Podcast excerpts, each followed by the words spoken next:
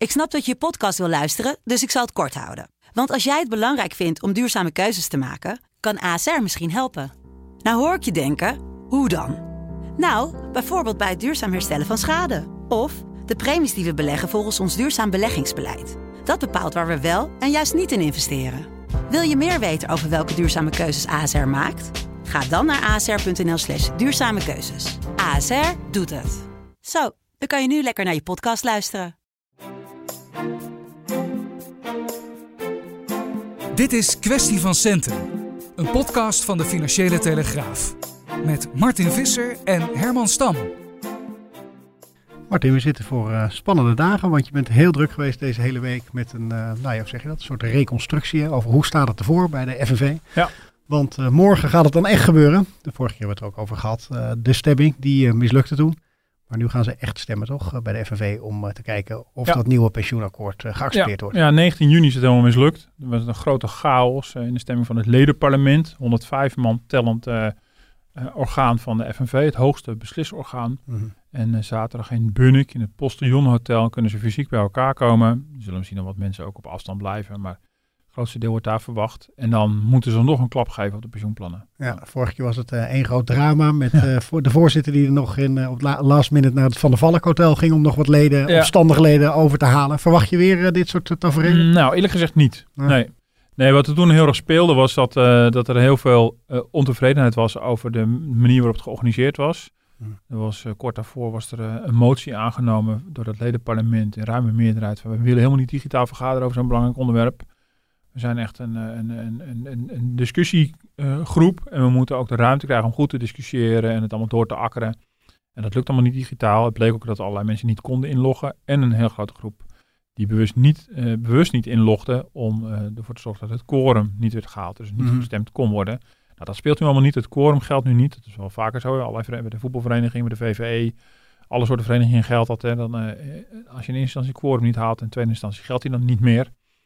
Hier ook. En ik verwacht dus een, eh, nu niet meer een, eh, een strijd over de procedures, maar echt over de inhoud. En ja, mijn inschatting is dat ze uiteindelijk wel ja zullen zeggen. Mhm. Want degenen die het niet eens waren met de gang van zaken, zijn niet automatisch ook tegen het pensioenakkoord. Ja, gaan we het zo eh, ook uitgebreid over hebben, omdat ik ook eh, zeker die reconstructie van je onder de ogen wil eh, brengen, of onder de oren in dit geval dan. Ja, want er zitten veel interessante elementen in, ook de, hoe de bond er zelf voor staat, de dalende ledenaantallen, noem maar op.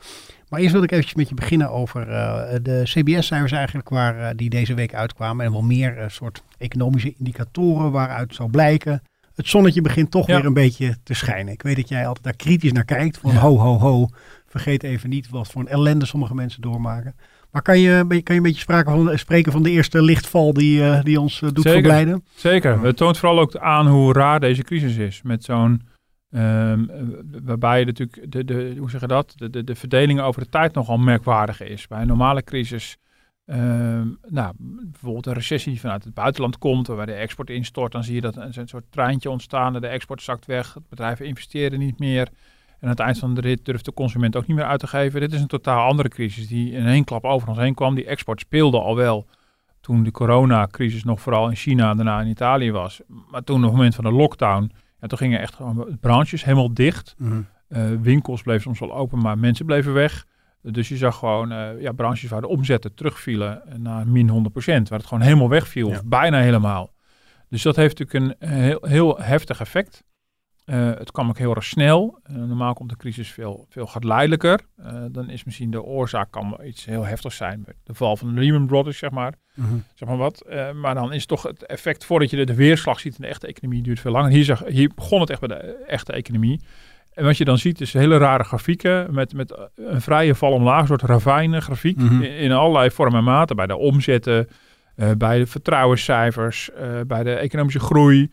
Eh, dat, dat, dat maakt een allemaal een ongekende klap omlaag. Ja, en dan kon je erop wachten dat als die lockdown op een gegeven moment voorbij is en de versoepelingen intreden, dat je ook een hele harde klap weer omhoog maakt. Ja. Ik weet niet of het een klap heet, maar je veert heel hard weer omhoog. Krijg je niet ook alleen maar nu positieve cijfers omdat die klap zo hard is geweest? Precies. Dus alles is zo van joepie, Ja. dit Nee, is dus veel wordt beter ook- dan vorige Ja, maand. dan wordt ook gezegd, Ja. we hebben het dieptepunt achter ons. Eh, Ja. En dat is natuurlijk ook zo. Ik bedoel, eh, eh, ja, heftiger dan 100% omzetverlies kan je het niet hebben. Nee. Dus, ehm, eh, ehm, maar ik ben, ik bedoel, ik, ik ben in, in die zin argwanend. Ik denk van ja, nu relateren we alles aan een lockdown, maar nu, nu begint de echte crisis pas, zeg maar. En nu moeten we nog maar zien. Ik ben er, ik ben er niet helemaal zeker van hoe, hoe, ja, hoe, hoe groot de schade uiteindelijk zal zijn. En misschien, dat schrijf ik in mijn column ook, misschien valt het toch wel enigszins mee in verhouding tot die rampenscenario's die we de afgelopen paar weken, maanden over ons hebben zien uitstorten. Mm je hebt een periode gehad wat dat, dat, elke volgende raming was weer slechter. En dan zou het natuurlijk best wel kunnen zijn dat we gaandeweg in, in onze depressiviteit iets hebben overschat. En dat de komende tijd alle ramen een klein beetje omhoog worden bijgesteld. Maar ja, ja, ik had toevallig met, Hans Biesheuvel, die van de kleine ondernemers van ONL, uh, had ik er nog over uh, vandaag. Uh, en die zei ook, ja, ik zie bij ondernemers ook wel weer het enige optimisme. Nou, ondernemers zeggen van, nou, ik heb toch weer 60% van mijn omzet te pakken of 80%. Nou, zo moet je het een beetje zien. We zijn blij als een ondernemer 60 of 80% van zijn omzet weer heeft. Normaal gesproken zouden we dat een absolute ramp vinden. Mm. Als, je, als je 20%, 40% van je omzet verliest. Ja. Dus het is ook waar je het aan relateert. Maar dat moet gezegd, ook, ook de hoofdeconoom, ook een hoofdeconoom van CBS, die zei op basis van de cijfers van de detailhandel bijvoorbeeld, die in mei gewoon echt heel goed waren. Uh, uh, over de volle linie, niet voor elke, elke, elke winkelketen even goed. Maar uh, die zei ook van nou, het herstel gaat eigenlijk sneller dan, dan ik had verwacht. Dus ik hou ook wel mijn gedachten op van nou, misschien pakken we de draad toch iets beter op dan we van tevoren dachten. Maar goed, niet te vroeg gejuicht. Er gebeurt natuurlijk iets wat niet echt in de geschiedenisboekje staat. Hè? Daar is geen voorbeeld voor. Naar wie kijk jij? Wie vind jij interessant om te volgen? Wie hier uh, de goede voorspellingen over kan maken? Wie hier zinnige dingen over zegt? Nou, ik vind, um, um, ik vind in ieder geval de, de, de, de analyses op basis van PIN-transacties heel interessant. Die waren overigens in een eerdere fase relevanter. Uh, ING doet het onder andere en ABN AMRO doen dat. Die waren eerder wat relevanter toen nog helemaal geen data hadden. Mhm. En nu, en nu, nu natuurlijk gaandeweg steeds meer statistieken hebben. Nou, we hebben de, de detailhandelcijfers over mei. We hebben de vertrouwenscijfers over juni. Dat is natuurlijk wel, uh, daar heb je natuurlijk wel echt een goed beeld van de lockdown en ook de eerste periode na de lockdown. Um, ja, verder vind ik het wel heel lastig om te zeggen van die, zitten, die, die voorspelt het goed of die voorspelt het niet goed. Dat is echt mhm. gewoon heel lastig. Je hebt het Centraal Planbureau, je hebt het Nederlandse Bank, OESO, uh, eh, IMF en dan al die verschillende banken ik vind het wel uh, eerlijk gezegd lastig om te zeggen van die zit er het, zit er het beste op. Maar ik moet wel zeggen... Ja, of dat je bijvoorbeeld uh, bepaalde denkers hebt die je zegt van nou bij de kredietcrisis die je natuurlijk ook op de voet hebt gevolgd uh, toen als correspondent in Brussel. Van ja, daar weet je, die had toen daar verstandige opmerkingen over ja. of die voorzag al iets. Ja, de grap is dat ik dus nu op mijn manier juist probeer om zoveel mogelijk um, gevoel te krijgen uit het, gewoon het, het echte leven zeg maar. Niet mm. zozeer de denkers erover. Um, dat maakt het dus ook, bedoel, want bij de, weet je, bij de kredietcrisis, um, dus ik zit even tegelijkertijd, nu je dit vraagt, ook meteen over na te denken, van, uh, het werkt nu toch anders. Bij de kredietcrisis was het ook een hele kunst om eigenlijk te begrijpen, wat gebeurt hier nu precies? Mm natuurlijk, ja, je zag natuurlijk, er ontstond een financiële crisis en uh, de, de, financiële markten droogden op, de vertrouwden elkaar niet meer, er werd geen geld meer uitgeleend uh, en er moest de centrale bank instappen. Maar toch om het echt te begrijpen van, wat is hier nu de oorzaak? Wat gebeurt hier precies? Hoe grijpt die bankencrisis en die eurocrisis en, en, en die landencrisis en, en op een gegeven moment een echte economische crisis allemaal in elkaar? Uh, was het veel ingewikkelder en, en, dan waren er inderdaad wel mensen waarmee ik sprak of die ik las om te begrijpen wat. Maar hier is het eigenlijk niet zo ingewikkeld om te snappen wat er gebeurt. Mhm. Hier is het vooral een gevoel krijgen van wat gebeurt er nu? Niet gisteren, maar nu. Ja. En daarom is het, het zijn, heb ik veel meer de neiging om nu op die data te zitten, die statistieken. En ook gewoon contact te houden met de werkgeversorganisaties bijvoorbeeld. Om te weten van wat speelt er nu op dit moment in die bedrijven. Dus, dus in die zin zijn de, zijn de bronnen wel anders. Ja. Uh, de, de, de, de, de denkers heb ik op dit moment niet heel erg hard nodig om te snappen wat er gebeurt. Ik mhm. heb echt gewoon de ondernemers nodig om uh, gevoel te houden met, uh, met de werkelijkheid. Ja, ja en stomweg gewoon op straat kijken. Ik bedoel, je eigen gevoel. Uh, dus in die zin is dat, uh, is dat en, en bijvoorbeeld naar de economische bureaus van de banken zitten natuurlijk heel dicht op. Die zitten natuurlijk zitten heel dicht op hun klanten, die, verder, die zitten heel dicht op de informatie van wat er speelt. Zijn wat minder academisch dan een centraal planbureau. Dus nee, mijn informatievoorziening loopt dus nu anders dan bij, bij een vorige crisis. En als je op die straat kijkt, hè, laat ik even voor mezelf spreken. Ik, bij horeca gelegenheden zie je nog wel een beetje argwaan, heb ik het idee. Als het mooi weer is, zijn de terrassen goed gevuld, maar binnen moi. Ja. En uh, winkelstraten die wel weer aardig vollopen voor mijn gevoel. Ja, maar. ja. zeker. En dat is mijn indruk ook. Tegelijkertijd in mei, maar goed, dat was, toen was de lockdown nog niet echt voorbij. En dan zag je wel bij die detailhandel, deed het goed. Maar de kledingzaken, de schoenenzaken en de autoverkopen waren echt nog dramatisch. Uh, minder slecht in, in, dan in april. Dus ik ben benieuwd of dat echt wel gaat aantrekken of niet. Eh, ehm, dus, dus daar is ook wel, is, het zijn ook wel weer verschillen. Ehm, eh, nee, maar dat zie je zeker. Bij horeca is het ook weer heel gemengd. Hangt heel erg van het soort zaken af. Eh, valt me op. Ja, ik, ik was aanvankelijk zelf wat terughoudend met horeca. Maar ben de afgelopen weekend heb ik toch ergens ben ik naar de film geweest en wat zitten drinken. En ja, die tafeltjes staan wat verder uit elkaar. Maar verder word je gewoon aan tafel bediend. En ik merk aan mezelf ook al dat die anderhalve meter niet in, in alle Mhm. in alle omstandigheden continu heilig is. Terwijl daarvoor probeer je een soort denkbeeldige cirkel van anderhalve meter om je heen. En echt alles en iedereen ten alle tijde op afstand houden. Daar, dat gebeurt dan niet meer. En dat, ja, dat zie je dus in de winkelstraten, zie je dat natuurlijk ook. Dus, dus het algemeen gevoel wat je een beetje uh, opsnuift is toch van...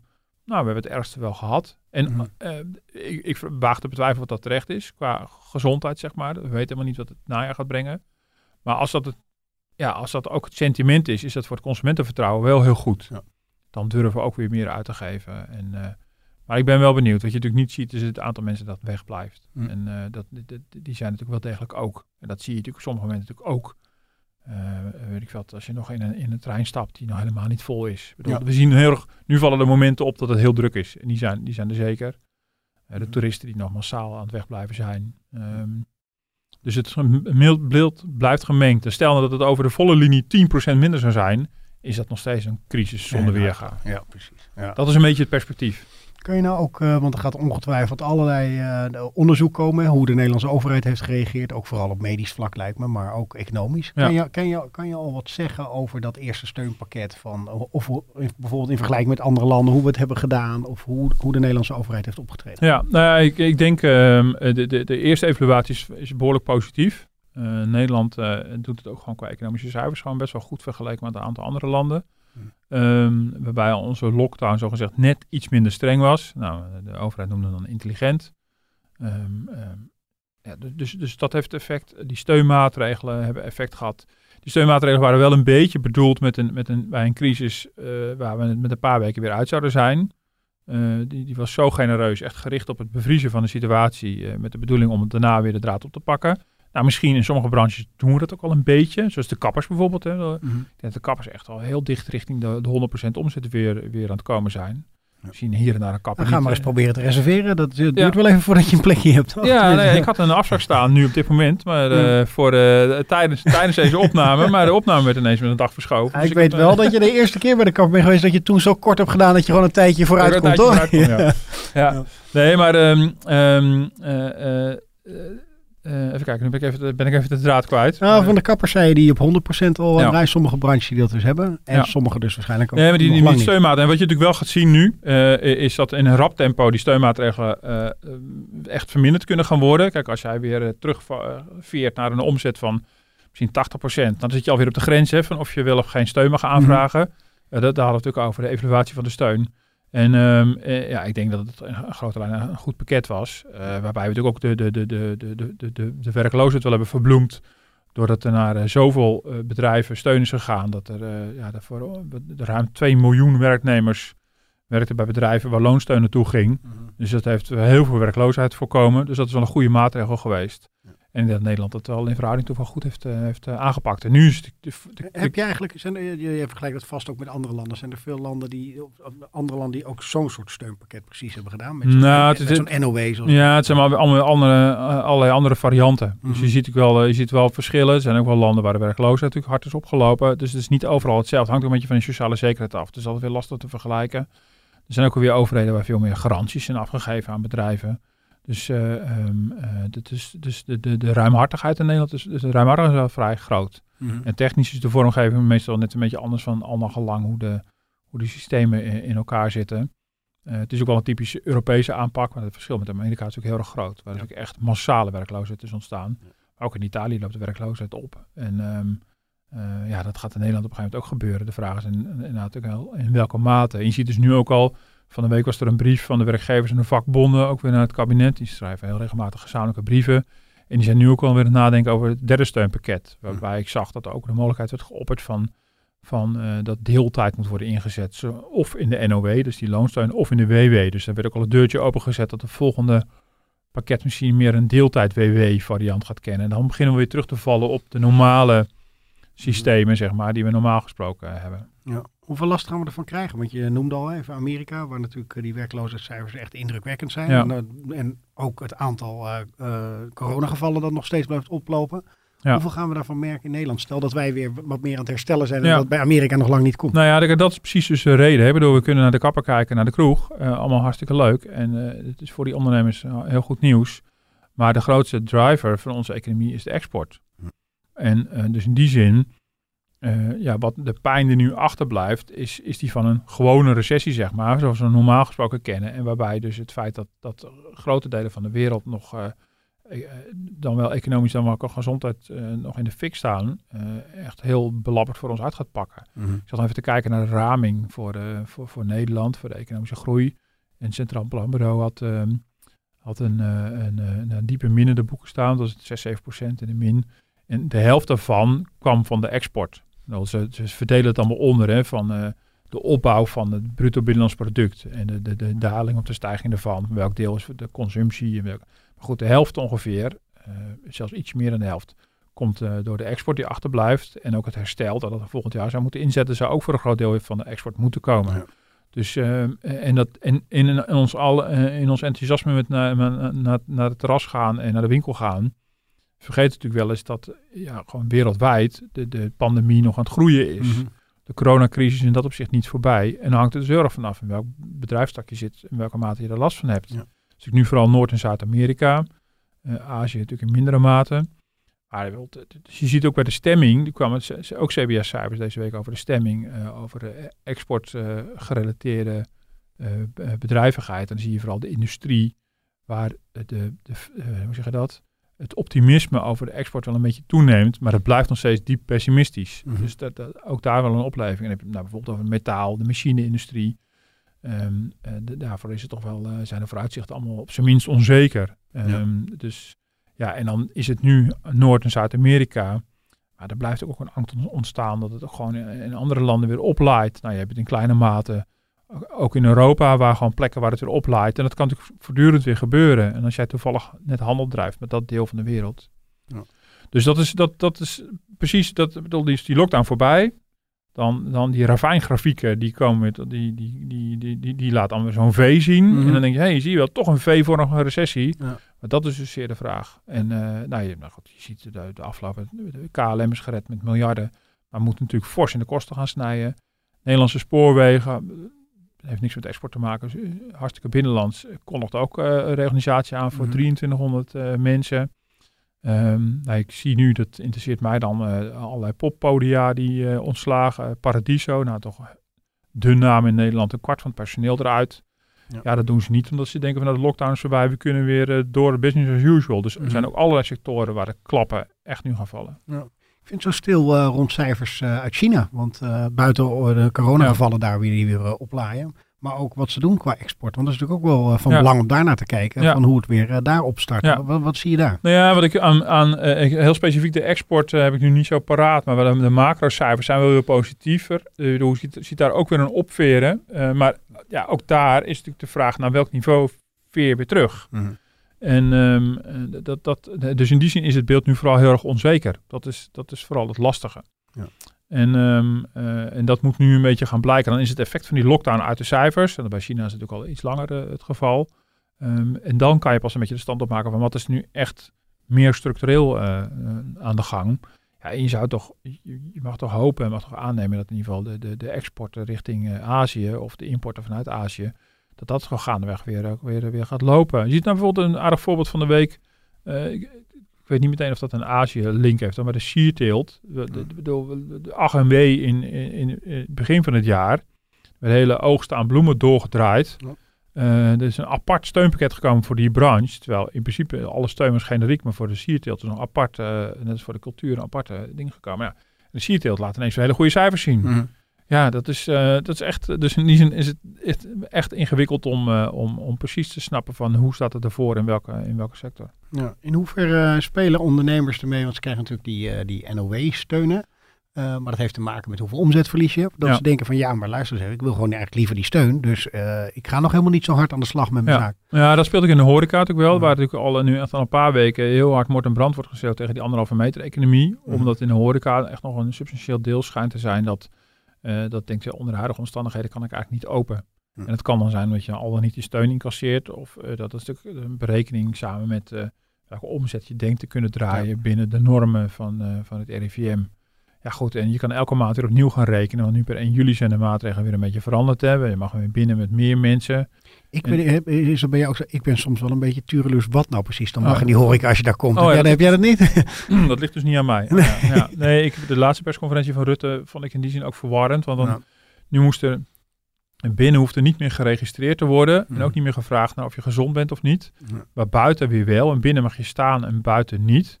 Terwijl ik het idee heb van ja, we zijn er zo langzaam toch wel over eens dat buiten veiliger is dan binnen. Mhm. Dus het lijkt ons wel op alsof het nu buiten op sommige plekken strenger is dan binnen.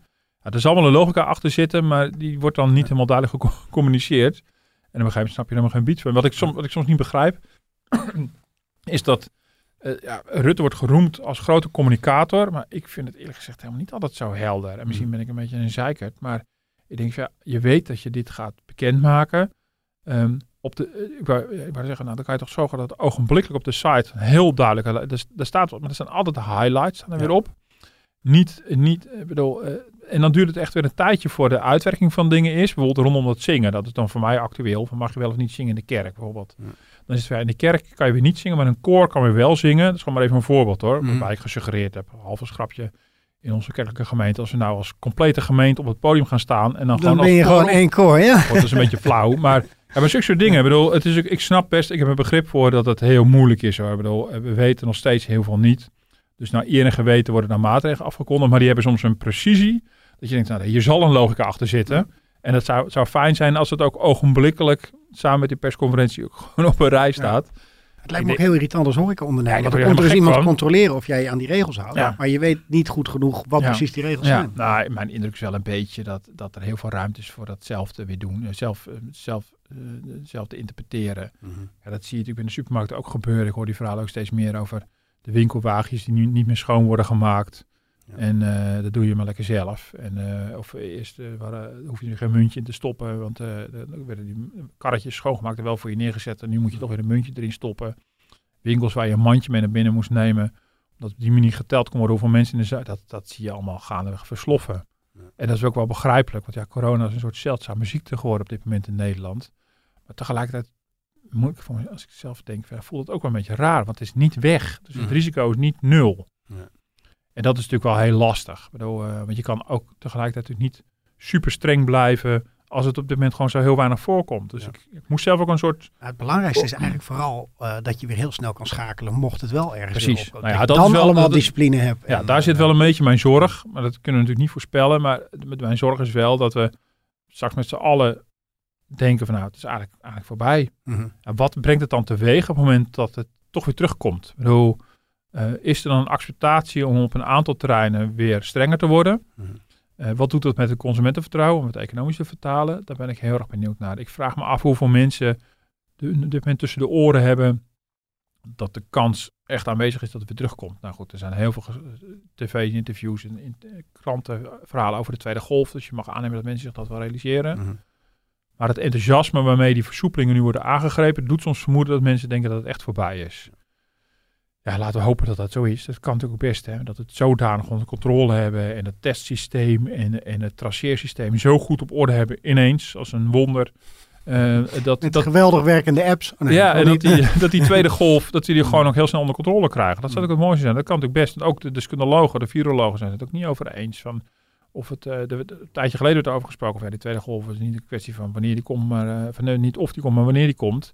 Nou, daar zijn de deskundigen inmiddels ook niet meer helemaal over eens. Maar Mhm. Misschien valt het allemaal reuze mee. Nou, ehm zou natuurlijk fantastisch zijn. En ik merk aan mezelf dat ik even mijn best moet doen van, oh ja, dat kan ook nog. Mhm. Ik ben nu inmiddels zo afgetraind op doem, doemscenario's. Ja.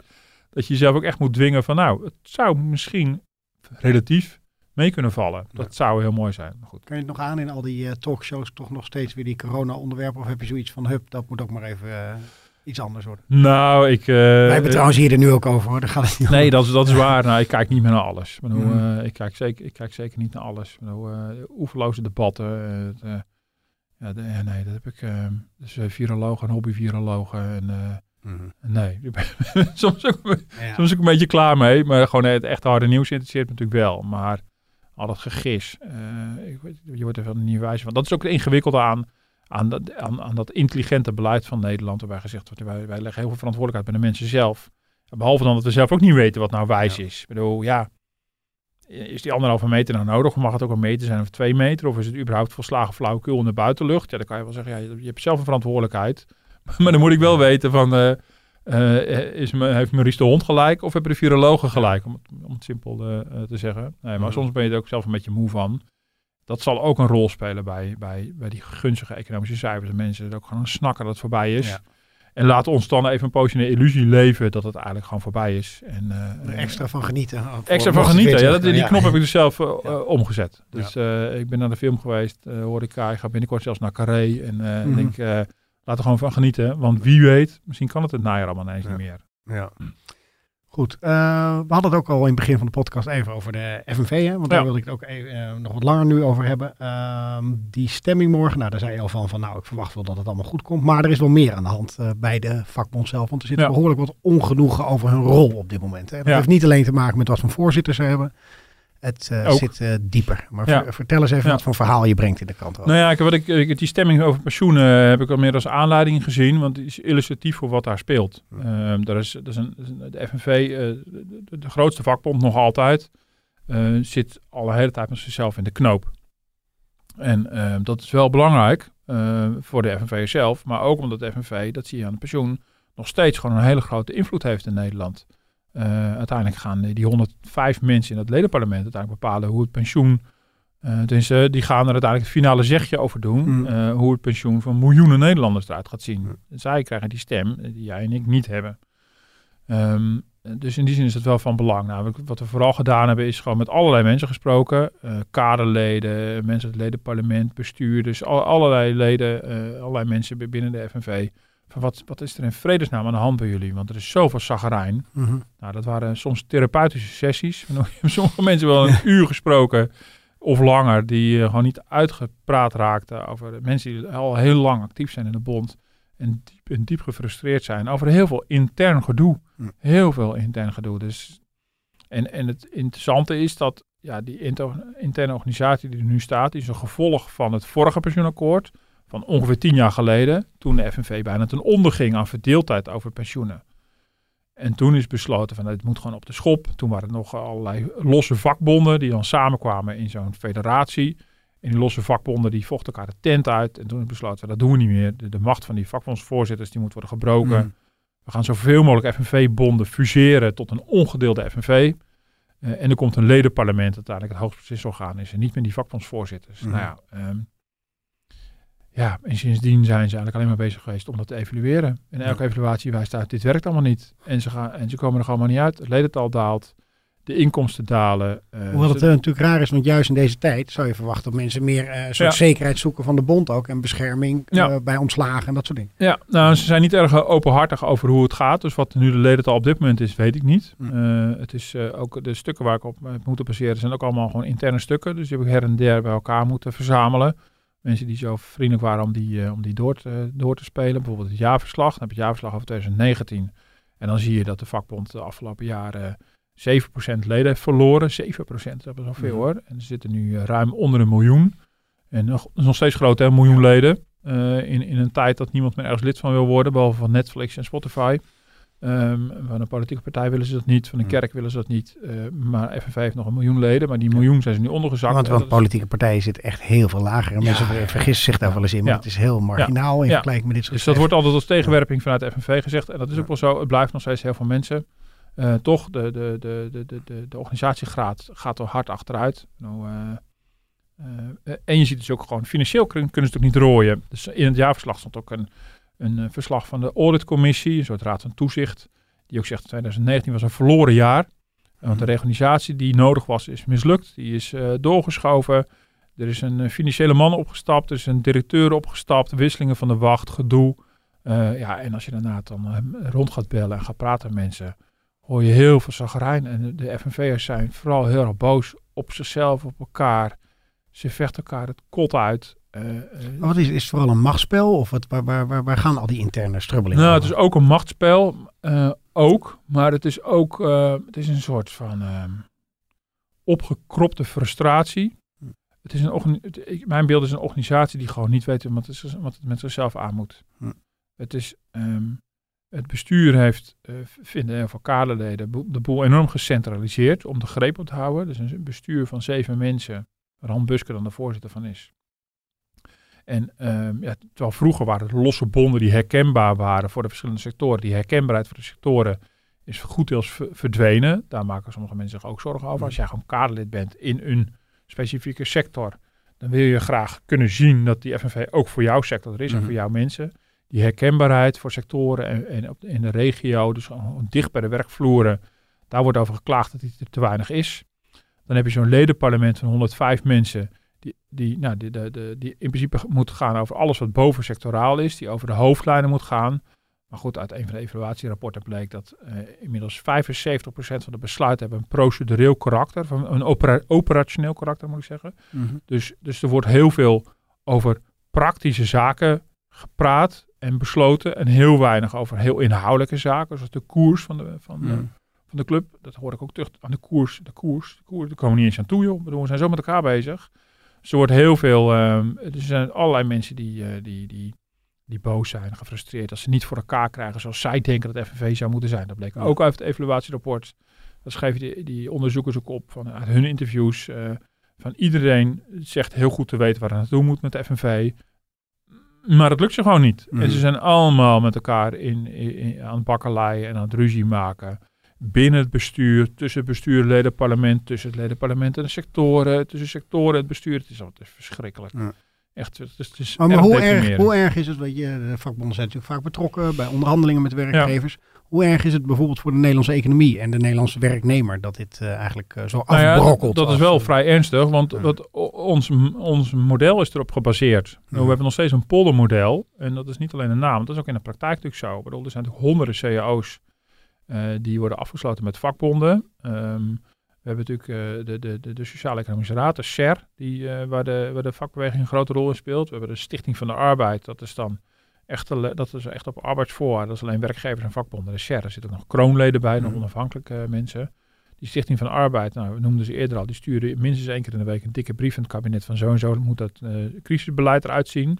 Dus, dus zo'n vakbeweging is nog helemaal ingebed in de manier waarop wij sociaal-economisch En beleid in maken. in Nederland. pensioenfondsen natuurlijk ook hebben ze een Pensioenfondsen, een belangrijke rol. Ja. Eh, in, in de scholingsfondsen, de ONO-fondsen. Mhm. Ehm, dus ze zijn nog overal aanwezig. En dat is gewoon wel on- on- ons overlegmodel. Dat is hoe wij het georganiseerd hebben. Dus dan is het wel heel zorgelijk als zo'n, als zo'n club gewoon niet weet hoe ze naar voren of naar achteren moeten. Dat is, Mhm. echt, dat is echt een probleem. Ja, en natuurlijk verder is het gewoon, ook, gewoon, gewoon ontluisterend. Dat zijn allemaal mensen, neem je aan met goede bedoelingen, die, die vrije tijd steken in het opkomen voor de werknemers. Nou, hartstikke goed. Maar die, ja, wat je terug hoort, eh, eh, is, eh, is een ruwe manier van omgang, intimidatie, eh, schreeuwen. eh echt, het is echt dus Ja. je hebt, wat, ik, wat ik niet wist, bijvoorbeeld, ze hebben daar inmiddels eh, een commissie omgangsvormen. Oh. Want omgangsvormen was een apart hoofdstuk in de evaluaties. Want eh, ja, er was een, masculine cultuur ontstaan en dat was niet com- complimenteus bedoeld. Mhm. Want het gaat echt, ze gaan echt flink tekeer. Dat, Ja. Daar komt het dan op neer. Ze Wat me wel eh, bevreemd, meer voor, voor mij meer als buitenstaander, eh, hun voorzitter lijkt me een vrij zachtaardig type. Ja, Ja, dus wonderlijk dat zo iemand zich kan handhaven. dan. ja, nee, ja. nee, ja. Ja, en die wordt dus ook gezien als eh, zwak of aardig, wat ik de vorige keer zei. Wel heel, Mhm. een hele aardige man. Misschien ook wel te zwak. De voorganger, Ton Heerts, had natuurlijk ook echt een beetje vuur in zichzelf. Die was ook en inhoudelijk, maar die kon ook gewoon aan tafel van de straat spreken. eh, en vooral ook, eh, die kon mensen met de koppen tegen elkaar slaan. ja. dat, je dat was weer weer eh, te masculien dat waarschijnlijk. was wel, die deed dus mee in die cultuur. Dus Ja. de vraag is of dat de oplossing is, overigens. Ja. Maar goed, zolang die cultuur niet veranderd is, moet je wat. En als je door wil. En ja, het gevaar is heel erg, dat, dat schetst ook iemand in het verhaal. Er is heel veel anonieme bronnen helaas. Maar we hebben er zoveel gesproken dat het echt gewoon een goed beeld geeft. Mhm. Ook iemand die schetst wel van ja, vergeet niet dat als, kijk, als zo'n bestuur niet meer zaken kan doen. Of als, als zo'n bestuur zaken wil doen in Den Haag. Maar ze moeten steeds naar zo'n ledenparlement terugkomen. En Mhm. in deze organisatie, met deze chaos. Ehm, met het gevaar dat bijvoorbeeld zo'n pensioenakkoord wordt afgestemd. Ik verwacht het overigens niet, maar eh, dat, dat risico loop je dan. Ja, dan op een gegeven moment dan, dan raak je positie in Den Haag kwijt. Mhm. En het gevaar is dat je vervolgens ook gaan nog je positie aan de CO-tafels kwijt gaat raken. Dan op den duur word je geen serieus te nemen eh, overlegpartner meer. En dat is echt het grote gevaar. En ook in het jaarverslag schrijft Han Buske, de voorzitter zelf, dat ook met het dalende ledental, dus de rode cijfers die worden gedraaid, eh, de, de, de hele discussies, ook het voortbestaan van de FNV zelf in het geding is. Mhm. Nou, dat is nogal wat voor, eh, voor de grootste vakbond Ja. van Nederland. Kun je ook niet zeggen van ja, aan de andere kant is misschien ook wel een teken dat heel veel werknemers in Nederland wel redelijk tevreden zijn. Dat ze geen lid hoeven te worden van een vakbond, omdat Ja. het eigenlijk wel eh, eh, prima met ze gaat. Ja, nou dat, dat zou je ook kunnen zeggen. Ehm, eh, deels, of je kan ook zeggen van we zijn allemaal nogal individualistisch geworden, allemaal freeriders, Mhm. want die CO's worden toch wel geregeld voor ons. Dus dat is de andere kant. Ja. Ehm, eh, dus dus die, die, die twee kanten, mensen laten zich minder makkelijk organiseren. Ehm, het, is een, het is wel zo dat als, het als het slecht gaat, dat, dat mensen in Holland dan misschien alsnog naar de vakbond, als er gereorganiseerd wordt. Het is ook gewoon makkelijk meeliften. Het is, maar daarnaast is het vooral ook een probleem dat, dat, dat zo'n FNV niet meer in staat is om zichzelf gewoon goed neer te zetten. Ja. Mm. En als je gewoon met jezelf bezig bent en, Ja. eh, en niet meer echt aanwezig. Ik vind de FNV ook erg afwezig in deze crisis. We Mhm. hebben Han Busker een poosje geleden nog geïnterviewd voor de krant. Dat was op ons verzoek. En ik vond het eerlijk gezegd nog een slap verhaal wat eruit kwam. Ja, we Mhm. hebben het wel afgedrukt, omdat er wel, het is wel relevant wat hij ervan vindt. Maar ik denk, ja, daar had ook wel meer pitten kunnen zitten. Ik bedoel, wat hij nu dreigt voor werknemers is toch een enorm oplopende werkloosheid. Er speelt nogal wat. Nou, dat punt van die ontslagboete wat speelde bij die tweede steunpakket, hebben ze wel wat harder opgespeeld. Maar dat was na ingrijpen van een van de vicevoorzitters. Die is op een gegeven moment op Radio 1 een veel hardere toon aangeslagen dan haar eigen voorzitter. Mhm. Die was al druk bezig een compromis te sluiten. En toen, in tweede instantie, hebben ze er nog een, een, een nummer van gemaakt. Maar ik vind het wel opvallend dat de FNV verder, eh, nou, nogal afwezig is in het hele debat. En je hebt natuurlijk ook wel een eh, steeds groter gedeelte, eh, niet meer de traditionele werknemer, laat ik Nee. zo zeggen, die jarenlang bij eenzelfde bedrijf werkt, meer ZZP'ers. Ja, dus dat is ook wel flexwerkers. heel lastig. En die flexwerker is sowieso natuurlijk een probleem. De FNV is natuurlijk, komt toch heel erg op voor de, voor de zekere baan. En de strijd tegen de onzekerheid op de arbeidsmarkt. En nou, dat, dat lijkt me ook, daar zijn ze natuurlijk ook voor om dat te doen. Vind ik logisch. Ehm, goed, ik kan even discussiëren over de mate waarin. Of het misschien niet iets te ouderwets is, de insteek. Maar goed, ik begrijp de, ik begrijp de gedachte wel. Tegelijkertijd, die flexwerkers laten zich ongelooflijk moeilijk eh, eh, organiseren. En verder zit je met al die ZZP'ers. Ja, die ZZP'ers die zijn van iedereen en van niemand. Bedoel, Mm. zijn ZZP'ers aangesloten bij, bij de werkgeversorganisaties en ZZP'ers aangesloten bij de vakbonden en bij allerlei verschillende ZZP-clubs. Die zijn helemaal verdeeld. Als, als een ZZP zich al aansluit, dan waarom zou die eigenlijk? Maar ehm, eh, dus ja, dat is voor de vakbond ook heel, la- heel lastig. Dus de, de trend op de arbeidsmarkt is, ja, pakt heel nadelig uit voor, eh, voor de vakbond. Maar goed, als je het dus allemaal weet, als Mhm. de bedreigingen van buiten komen, dat je dan ook nog in staat eh, bent om de grootste bedreiging van binnenuit te laten Ja, komen. Ja. Door totaal amateurisme en door, door echt, echt bizar gedrag. Oeverloos heen en weer gemail, geapp, waarbij mensen in het hele parlement elkaar voor rotte vis uitmaken. Ja. En bestuursleden die in, in parlementsvergaderingen eh, voortdurend maar moeten zwaaien met een portefeuille, want anders stap ik op. Of, of vorige keer dat Koolmees zei, maar mensen log alsjeblieft in, want ik moet straks naar Wouter Koolmees. Nou, hij Mhm. wordt gewoon in zijn gezicht uitgelachen. Nou, dan ga je toch lekker naar Wouter Koolmees. Eh, kan ons het nou schelen? Ja, dat is toch, ja, ik vind het toch, ik vond het onthutsend. Allemaal te lezen in een eh, groot verhaal in de Zaterdag, zaterdagkrant eh, met al die eh, smeuïge details ook.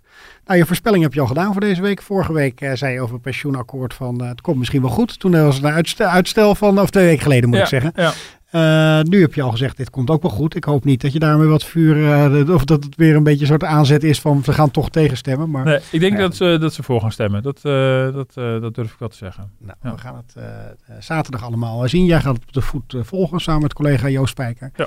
Eh, en dan zullen we denk ik ongetwijfeld volgende week ook alweer eventjes over het eh, pensioen gaan spreken. Als het dan eenmaal eh, een goedkeuring is Ja. of niet. Dankjewel Martin voor je tijd. En voor de luisteraars tot volgende week. We zijn te beluisteren op iTunes en op Spotify. En u kunt ons e-mailen op podcast.dft.nl. Tot volgende week. Tot volgende week.